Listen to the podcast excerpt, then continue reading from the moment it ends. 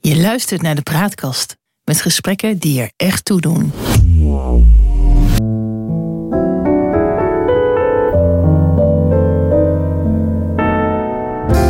Welkom bij de Praatkast.nl. Dit is een aflevering van het Geheugenpaleis. Mijn naam is John Knerim en samen met Han van der Horst maken we deze podcast. De geschiedenis herhaalt zich nooit, maar rijmen doet hij vaak wel. En in het Geheugenpaleis gebruiken we dat gegeven om dieper in te gaan op de actualiteit. Zo gaan we aan de waan van de dag voorbij en bereiken we de kern van het nieuws. We scheppen orde in de maalstroom van berichten die het zicht op de grote lijn belemmeren.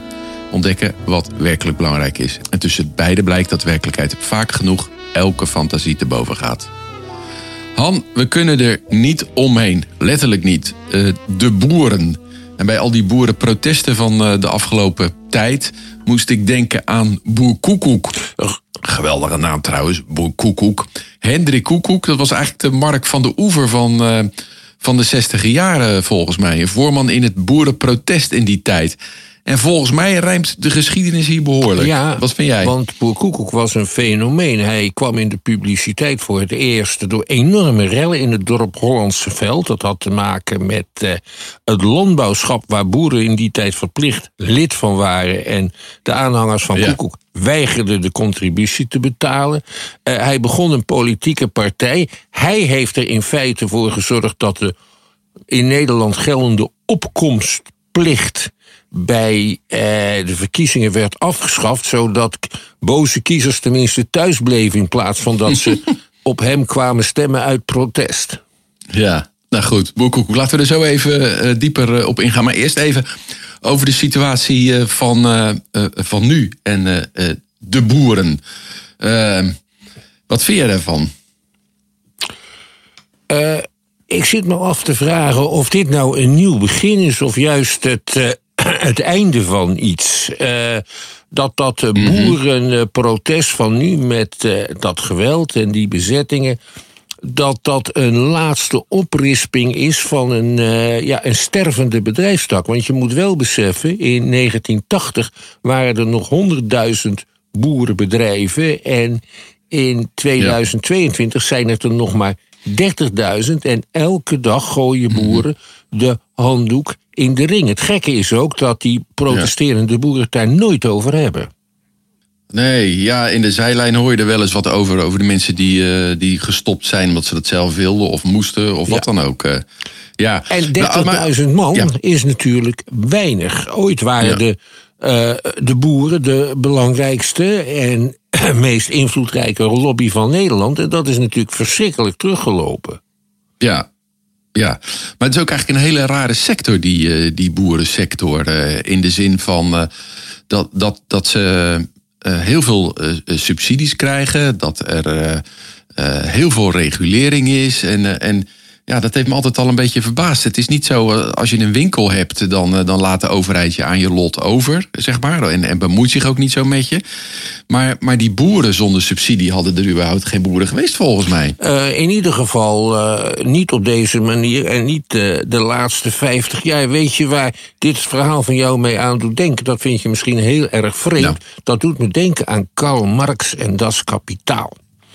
Um, Oh. De Marxisten. Dat is nog geen logische combinatie voor mij. Nou, Ga door. De Marxisten die verdelen de samenleving ja. in, uh, in kapitalisten of, of uh, de bourgeoisie. Mm. En aan de andere kant de proletariërs. Die alleen maar hun mm. arbeidskracht kunnen verkopen. En de, de uh, kapitalisten zijn de bezitters van de productiemiddelen van de fabrieken en van de machines. En in dat hele systeem hebben ze de boeren nooit goed kunnen onderbrengen. Want dat zijn aan de ene kant wel ondernemers, maar aan de andere kant ja.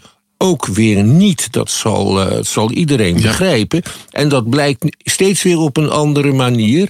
En nu uit het, uh, het feit dat geen enkel boerenbedrijf het zou onder overleven zonder de tienduizenden euro's inkomenssubsidie die elke ja. zelfstandige broer van de EU krijgt. Ja, want een derde van het totale budget van de Europese Unie... dat gaat op aan boerensubsidies door heel Europa heen. En dan doet de Nederlandse staat daar ook nog wat een en ander bij. Maar ik herinner me dat, dat bijvoorbeeld in het, uh, in het verleden... Uh, de boeren ook gegarandeerde prijzen kregen voor hun, uh, hun melk. En, en dat dat onder andere heeft geleid tot een enorme boterberg en melkplas. Ja, en die werden dan uh, voor een gedeelte voor bodemprijzen naar buiten de Europese Unie geëxporteerd. Ja. Beetje naar het Oostblok, maar ook heel veel naar uh, de derde wereld. Zodat de boeren daar niet meer konden concurreren. Ja. Ja, waar, waar komt dat eigenlijk uh, vandaan, die, die bijzondere positie van, van de boeren na de Tweede Wereldoorlog? Een, iemand die daar heel belangrijk voor is geweest, is een PVDA, Mansholt. Sikko ja. Sikko die ja. werd direct na de uh, Tweede Wereldoorlog minister van Landbouw in Nederland. En later is hij een zeer invloedrijk Europese commissaris geworden. Uh, die vond na alle honger en gebrek van de Tweede Wereldoorlog dat Europa zichzelf moest kunnen voeden. Dat kon alleen als de boeren bedrijven moderniseerden. Ja. En dat, daarvoor was hij bereid heel veel subsidie te geven. Maar dan, moesten die, dan moest de kleinschaligheid van de landbouw ook verdwijnen. Hij was voor grote, krachtige bedrijven. En dat heeft hij daarna omgezet in Europees beleid. En daar komt dat vandaan. En hij kreeg de steun van de grote boerenorganisaties. Ja. En van de boerenbanken. En van de grote bedrijven die aan de boeren leverden, zoals veevoerproducenten. Ja, op zichzelf en daardoor wel, is wel de landbouw geworden zoals die is. eigenlijk wel een goede gedachte. Want er was natuurlijk grote hongers uh, na, in de Tweede Wereldoorlog en vlak daarna. Dat getuigde wel van visie. Maar ja, je kan je afvragen of dat, dat eigenlijk op dit moment nog allemaal nodig is. Want je krijgt een hele, hele Ja. verstoorde Nou, markt, eh, denk ik zo. Mansholt heeft er op zijn oude dag in de jaren zeventig ook spijt van gekregen. Ja. Dat kwam ook omdat hij zijn hart had verloren aan een eh, zeer mooie bloedjonge Duitse milieuactiviste. Eh, maar hij stelde wel vast dat zijn manier van boeren slecht was voor het milieu. Daar Ja. zien we nu dus weer een heel belangrijk blijk van. Ja. En eh, dat, op die, dat, dat het misschien meer nadelen dan voordelen had gehad. Ja. Eh, We lezen nu overal dat 70% van de Nederlandse veeteeltproductie wordt geëxporteerd. Ja. Aan de andere kant zouden alle boeren, alle, sorry, alle koeien van honger sterven, alle varkens ook, als er geen enorme import van veevoer uit het buitenland was, Ja. bijvoorbeeld uit Brazilië. Ja. Dat is in een levensgevaarlijke situatie als nu eigenlijk heel bedreigend. Ja, omdat dat, dat de, als dat stokt, dan eh, stokt de hele keten en hebben we allemaal niet te eten. Ja, Ja. Ja. Ehm, nou ja, dus, dus ja, een hele, hele bijzondere, bi- bijzondere bedrijfstak eigenlijk. De boeren zijn, ja, denk ik ook heel lang wel eh, eh, gekoesterd. Maar als we het nou hebben over de milieuproblemen, met name die stikstofproblemen. Ik heb de indruk dat, dat we dat eigenlijk al twintig jaar weten. Maar dat er elke keer weer oplossingen, geitenpaadjes bedacht worden. Om ervoor te zorgen dat die boeren vooral zich niet hoefden aan te passen. En dat het maar weer door kon gaan. Ja, dat is zijn de effecten van het Nederlands eh, poldermodel. In eh, overleg van eh, allerlei betrokken organisaties worden er compromissen uitgedacht. Er heeft in de NRC een mooi artikel gestaan van een jonge politicoloog. Ja. die zegt dat dit strijdig is met de democratie en volstrekt uit de tijd. En dat de plek waarover dit soort zaken onderhandeld worden, dat dat het parlement hoort te zijn en verder niks anders. Daar Ja. is wat voor te zeggen. Aan de andere kant, je hebt landen waar dat zo werkt, bijvoorbeeld de Verenigde Staten. En dan kan je je afvragen wat dat is: een democratie of een lobbycratie. Ik zag verleden week een senator, een Amerikaanse senator, die tot op de wc door een lobbyist vervolgd werd. En die riep buiten, ze, ging, ze deed gelukkig net de deur nog niet Ja. open. We hebben je destijds voor gezorgd dat jij gekozen werd. En we kunnen ook zorgen dat je de volgende verkiezingen verliest. Stem voor het milieuplan van Biden. Ja, ja, ja. Dus dat, dat is een hele zware lobby die daar eigenlijk uh, de Ja, deel uitmaakt. dus maar dat hebben, wij, dat hebben, wij hè? hier toch, hebben wij hier toch ook met eh, Caroline van der Plas. eh, die eh, eigenlijk door de, door de hele branche eh, gesponsord wordt. Door de, de, de veevoederbedrijven en dat soort zaken. Nou, dat is, daar, die- dat is daar ook een heel goed voorbeeld van. Ja. Dan zou je kunnen zeggen, nog erger is dat ze zelfs lid is geworden van de Tweede Kamer. Zo bond Ja. maken ze het in de Verenigde Staten nog niet. Ze zit in de Tweede Kamer. Ja. Ze is gesponsord en groot gemaakt door eh, deze belangengroeperingen. En als zodanig is zij misschien ook wel een, een, een vertegenwoordiger van de nieuwe tijd. Ja. ja. Nou, we hebben het over de nieuwe tijd. Even terug naar de oude tijd. Ik kan me niet voorstellen dat we ja, in het verre verleden, ook in het recente verleden, niet vaker te maken hebben gehad met boerenprotesten. Kan jij ons eens meenemen? Ja, dan gaan we eventjes beginnen we bij Karel de Grote. Ja. Dan praten nou we eens eh, eh, over welk In jaartal zijn ongeveer? oorsprong, 800 na Christus, 1000 na Christus, waren de meeste boeren horigen. Ja. Dat betekent dat ze onderdeel uitmaakten van hun boerenhoeve. En die boerenhoeve was verkoopbaar. Als je dat deed, dan verkocht je dus de levende haven. Daar hoorden de mensen bij. Eh, nou, dat is langzamerhand afgezakt tot het, eh, het betalen van belasting aan edelen. Ik ga niet uitleggen hoe dat kon. Betalen van belastingen aan edelen. En er bleven ook nog dingen uit dat horige verleden over herendiensten.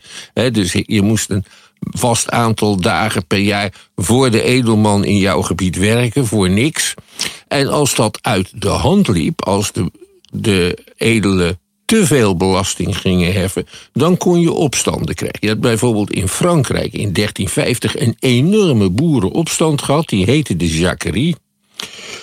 Eh, de grote en kleine edelen zaten in die tijd meestal in het leger, want er was oorlog tegen, eh, tegen Engeland. Ze, om die te betalen hieven ze hoge belastingen, boeren in opstand. En Ja. die gingen de vrouwen en kinderen van die edelen uitmoorden.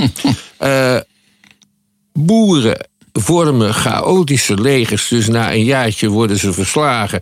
Dan richt, eh, richten de edelen een bloedbad aan en dan wordt de oude situatie hersteld. Dat is in Duitsland ook gebeurd. Daar heb je een heel beroemde boerenoorlog uit 1523, geleid door een protestantse dominee, Thomas Münzer.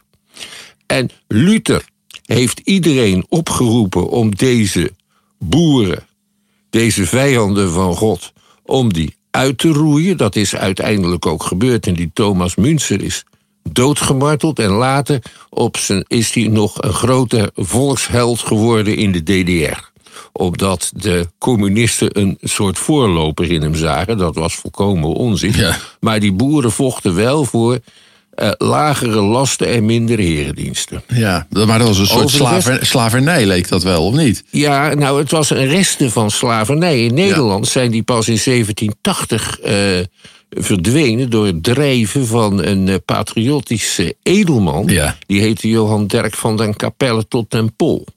En in, in Rusland is een soort slavernij, iets tussen horigheid en slavernij, pas in 1863 afgeschaft. En in Pruisen in 18, 1811 of zo, weet je. Dus dat is allemaal niet eens zo lang geleden. Dus dat betekent dat En eigenlijk heel veel van die, van die boeren ja, in erbarmelijke omstandigheden moesten leven. En keihard moesten werken voor, eh, voor de heer. Ja, ja, inderdaad. Nou ja, dat, dat wisselde heel erg. En je had rijke boeren, je had heel veel arme boeren. Ik denk dat 80% van de Europeanen die leefden op het platteland. Ja.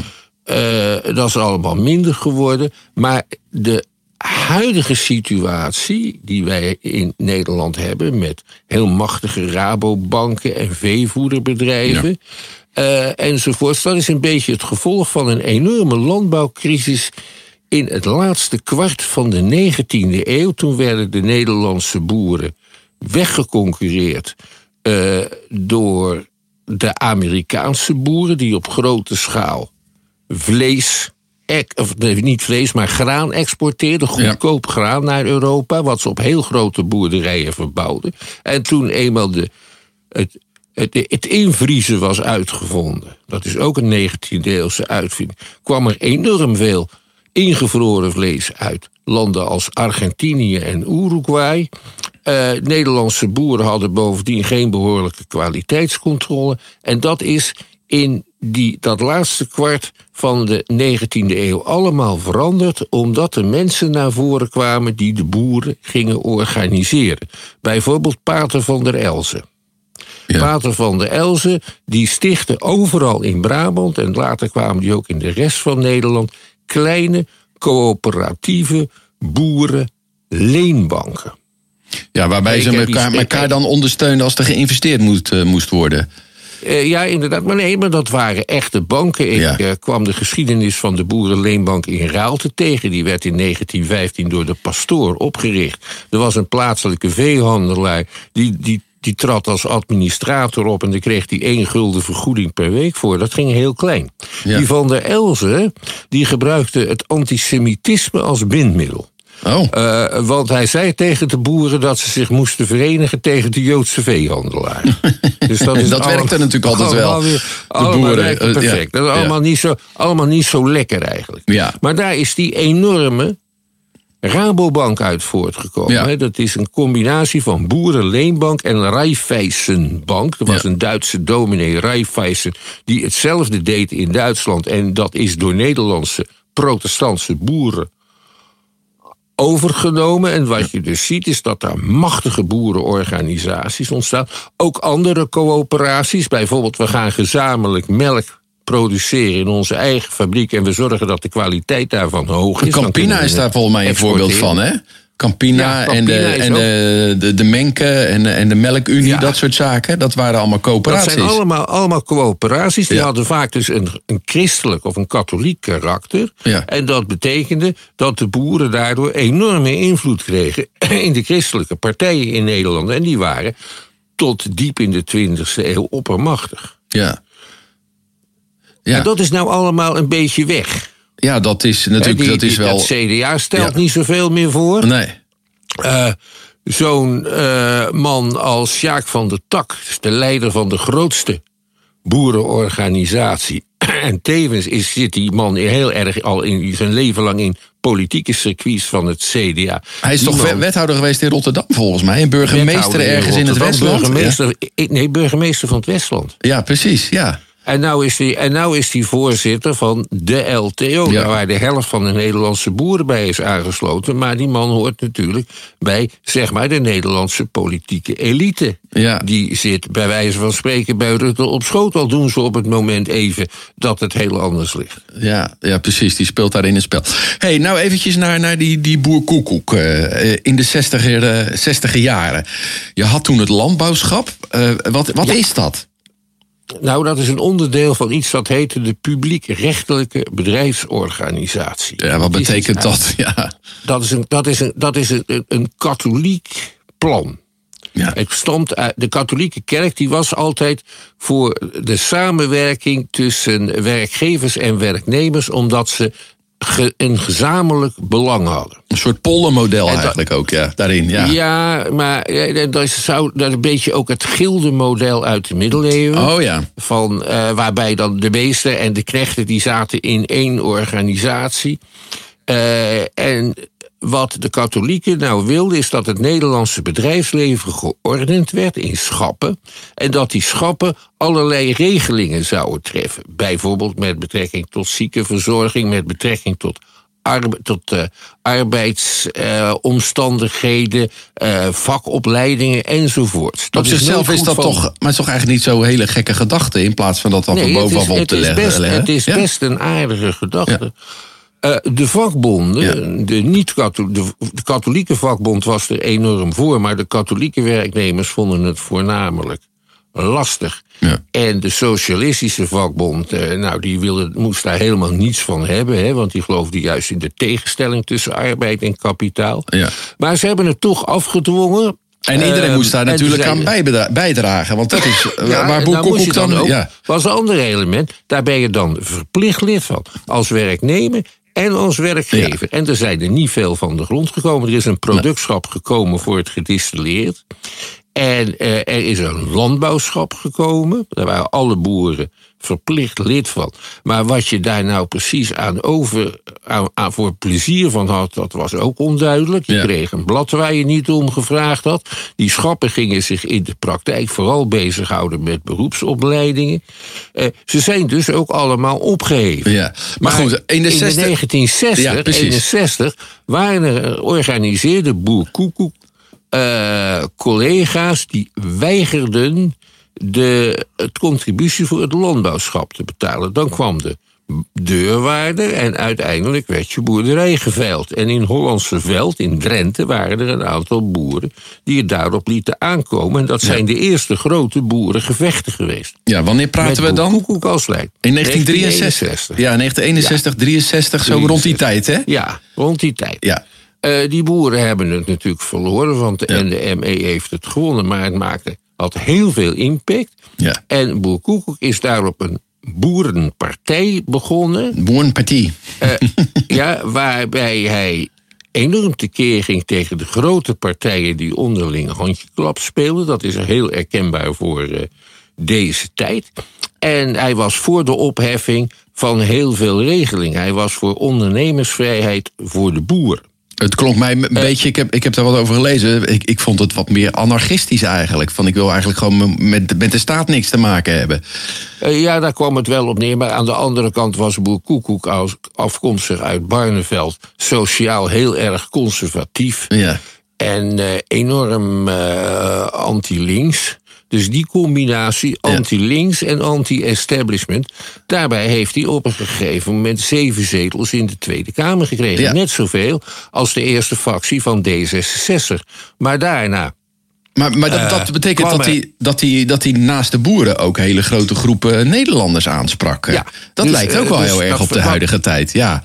Ja, hij, eh, hij, hij trok de proteststem. Daarom is het ook dat die opkomstplicht eh, afgeschaft. Maar er zaten ook eh, vreemde gasten in eh, zijn partij. Dus de fractievoorzitter in de Eerste Kamer, Adams, die bleek een groot NSB-verleden te hebben. En hij was niet de enige in die boerenpartij. Eh, de Kamerleden kregen snel ruzie. En de God, waar doen we dat nou weer aan denken? Ja. ja, dus de fractie die viel al heel gauw uit elkaar. Eh, de meer serieuze eh, aanhangers van Boer Koekoek... die vormden een partij Binding Rechts... eh, die bij de Tweede Kamerverkiezingen niks klaarmaakte... behalve in Apeldoorn... Want daar zat een populaire leider en die is toen nog heel lang een nogal succesvol wethouder geweest. Ja, Alleen ja. in Apeldoorn. En Boer Koekoek, die bleef, er was op den duur weer een, een eenling. En toen het nieuwsje eraf eh, ging, was hij voornamelijk vervelend. Maar je had heel veel beelden op de televisie die toen iedereen had. En dan zag je Boer Koekoek, die stond het woord te voeren... en de Kamer lachte hem uit. En dat heeft hem heel veel stemmen opgeleverd. Ja, eh, ik heb wel eens gezien, dat als we verliezen, dan winnen we toch, zei hij. eh, eh, Ja. Als het over bepaalde zaken. Wat was nou de aantrekkingskracht van deze, deze man? Was het zijn eenvoudigheid? eh, hoe hij sprak? Zijn anti-establishment? Hoe, hoe, hoe verklaar je dat? gewoon lekker, eh, het was lekker dwars om op koekoek te stemmen. Dat herinner ik mij nog, want ik was toen een jaar of 18 en ik begon toen uitgebreid kroegen te bezoeken. Ja. Daar was hij zeer populair. Vroeger, als je een voor Koekoek, als je dan een proteststem uit wilde brengen, dan stemde je op Marcus Bakker van de Communistische Partij van Ja. Nederland. Maar nu was er een alternatief. En dat was dan Boer Koekoek. eh, eh, Ja, en Boer Koekoek was voor recht en orde en tegen, tegen rare fratsen zoals hippies en zo, heel erg. En aan de andere kant was hij tegen het establishment. ja. Maar ja, hij heeft zichzelf ook onmogelijk gemaakt door te laten zien dat hij geen partij kon leiden. Ja, En precies. een, eh, precies. een mond met kikkers was. Ja. Ja, dat zie je natuurlijk vaak bij, eh, bij nieuwe partijen. Dat zich daar allerlei gespuis eh, bij, eh, bij aansluit. Ik denk dat de BBB de, de, van Caroline van der Plas daar nu ook wel problemen mee heeft. Dat zich allerlei randfiguren en idioten aan, aanmelden. Dat zal best kunnen. Nou heeft ze natuurlijk de steun van effectieve lobbyorganisaties en Ja. grote bedrijven. Dus eh, wat dat betreft, het hoeft ook niet als zij die partij uit wil bouwen in twee weken, zoals, eh, Pim Fortuyn. eh, in de- zoals Pim Fortuyn dat Ja. moest doen. Die dan ook, die bovendien bo- heel erg slecht was in het aannemen van personeel. Dat bleek wel. ja. En dus, dus je hebt dat, dat, wat dat betreft zou het wat steviger kunnen zijn. Ja. Of het uiteindelijk een verschrikkelijk grote partij wordt, dat weet ik niet. Caroline van der Plas combineert wel, zeg maar, sociaal conservatisme. Hè, want zij, zij, is, eh, zij is zeg maar niet zo erg pro-bloot en zo. Nee. Dat blijkt ook uit haar tweets. Het lijkt ook, haar standpunten lijken ook behoorlijk op die van de PVV. eh, in een wat gematigder eh, vorm. En nou ja, dus wat En, dat betreft heeft ja. ze veel gemeen met Boer Koekoek. Ja, ze komt mij wat, wat intelligenter eh, eh, over. En ik denk dat eh, ze, ze heeft een hoge ja, gunfactor, denk ik. Omdat ze zo vriendelijk en redelijk overkomt. Nog even over die Mark van de Oever. Want daar moest ik eigenlijk het meest aan denken in de vergelijking met Boer Koekoek. Dat is de leider van de Farmers Defence Force. Die is ja, heel erg radicaal en... Ja, ik begrijp niet dat hij nog niet is opgepakt eh, wegens opruiing als ze Willem Engel wel eh, op, eh, oppakken. Ik vind overigens dat mensen veel moeten kunnen zeggen. Maar die, hij is heel extreem en hij, hij dreigt echt met geweld. Ja, en dat doet hij op een intelligente wijze. Want hij zegt namelijk, als dit zo doorgaat, gaan anderen geweld gebruiken. En niet hij. En niet hij. Ja, dat is- Daar is hij heel consequent in. Ja, ja. Hij heeft daar ongetwijfeld advies over gehad. Over hoe hij dat dan moet zeggen. Over hoe je dat moet formuleren, zonder dat je meteen wordt opgebracht. Ja, ja, precies. Maar, dus maar hij da- probeert steeds die Farmers Defence Force waarschuwt. Als dit zo doorgaat, gaan anderen rare dingen doen. Ja, maar hoe gaat het met hem aflopen? Want, want eh, eh, eh, eerst wilde de, geen enkele boeren, boerenvertegenwoordiger met Remkes praten. En uiteindelijk sluit iedereen dan toch weer aan. En, en ja, hoe, hoe- hoe gaat dat eindigen? Want hij is compromisloos. Hij is compromisloos, maar hij wordt op deze manier ook saai. Vergeet niet, er zijn niet zoveel boeren. Mm. Eh, ja, wat kan je doen? Je kan eens strobalen in brand steken en je kan Asbest. eh, de snelweg afzetten. Nou, op een gegeven moment gaat het nieuwsje daar op dezelfde manier van af als het nieuwsje is afgegaan van de oorlog in de Oekraïne. Ja. Dus ik denk dat hij langzaam maar zeker gemarginaliseerd raakt. Ja. En bepleit dus eigenlijk zijn, eh, zijn zaak niet op een hele effectieve manier dan. Eh. Nee, hij wil dingen afdwingen. ja, Eh, hij wil doorbraken forceren, maar hij heeft te weinig mensen om dat echt te kunnen doen. Ja. Ze, zijn, eh, ze kunnen hun, hun trekker veranderen in een soort wapen, dat wel. En de politie heeft daar geen antwoord op. nee. Maar goed, dat Maar, wil dan niet zeggen dat dan ook de, de, de wetgeving aangepast gaat worden. Nee. En wat nog belangrijker is, we kunnen zullen kijken hoe lang zijn aanhanger zin inhoudt. Ja, dat speelt natuurlijk ook nog een keer mee. Nog even naar, naar, dat, naar dat conflict. Ik denk dat het onoplosbaar is. Want de, de, regering zegt, ja, we gaan die normen niet loslaten. En de rest zegt, ja, we vinden dat we de normen wel los moeten laten. Hoe, hoe gaat dit eindigen? Eh, dat ligt eraan hoe lang eh, de regering de zaak slepende weet te houden. En eh, het zou moeten eindigen in een besteding van die 26 miljard. om de boeren van hun hypotheken en hun schulden af te helpen. Ja. Zodat ze niet meer gedwongen zijn om grootschalig op deze eh, milieuvijandige wijze te produceren, omdat anders de deurwaarder langskomt. Vergeet niet, de Rabobank heeft heel veel boeren eh, hypotheken en leningen verstrekt op voorwaarde dat ze meer koeien aanschaften. Ja. Ja, Nou, dat moet doorbroken worden. ja, dus je moet eigenlijk ze, Nee, ze ja. perspectief En- geven, en maar ook zorgen dat, je, dat, je, dat ze niet in de financiële problemen terechtkomen. Het lijkt me ook niet onredelijk. Hè, want die, die, die, die boerencoöperaties zijn namelijk enorm gegroeid. De eh leidend management heeft een soort machtsgreep gedaan. De, boer, de, de boeren zijn formeel nog wel lid, maar staan op heel grote, Grote afstand, afstand, hè, ja. van de leiding. Heel weinig macht in de praktijk. Ja. Eh, dat zou je moeten, dat zou moeten veranderen. Ik kan me ook best voorstellen dat je zegt: laat de Rabobank maar meebetalen aan deze gevaarlijke investering die ze anderen hebben afgedwongen. Ja. Dat lijkt me heel redelijk. Ik weet niet of dat wettelijk mogelijk is, maar het is, zou wel een daad van rechtvaardigheid zijn als het gebeurde. Ja, de vraag is natuurlijk of de Rabobank dat ook kan betalen. Want die heeft dat geld natuurlijk ook weer ergens eh, geleend. En, eh, Dat is maar goed, waar, maar de Rabobank is van een enorme betekenis. Ja. Dat is een zeer belangrijke, zeer machtige, internationaal heel actieve organisatie. Ja. Dus die zou je er ook bij, eh, bij moeten betrekken. Nou, het Ja. gaat, denk ik, de komende maanden nog heel veel afleveringen eh, krijgen. eh, dit hele stikstofdossier en eh, de boeren. Laten we hopen dat het op een goede manier afgerond wordt. met ja, niet te veel schade voor de maatschappij, maar ook niet voor de, voor de boeren. Ja, en ze zijn bezig zichzelf schade te doen, want ze vechten voor een systeem waar ze één voor één op den duur door gewurgd worden. Ja. Ja. Nou, laten we met die woorden een eh, einde maken aan eh, deze aflevering van het Geheugenpaleis. We maken dit in samenwerking met de Praatkast en de uitzendingen zijn te vinden op www.praatkast.nl.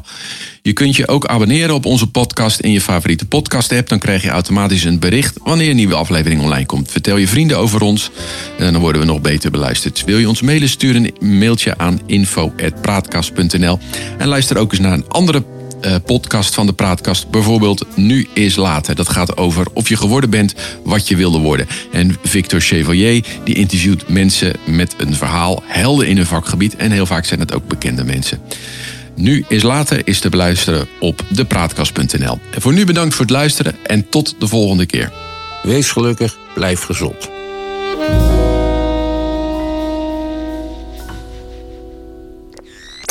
De Praatkast.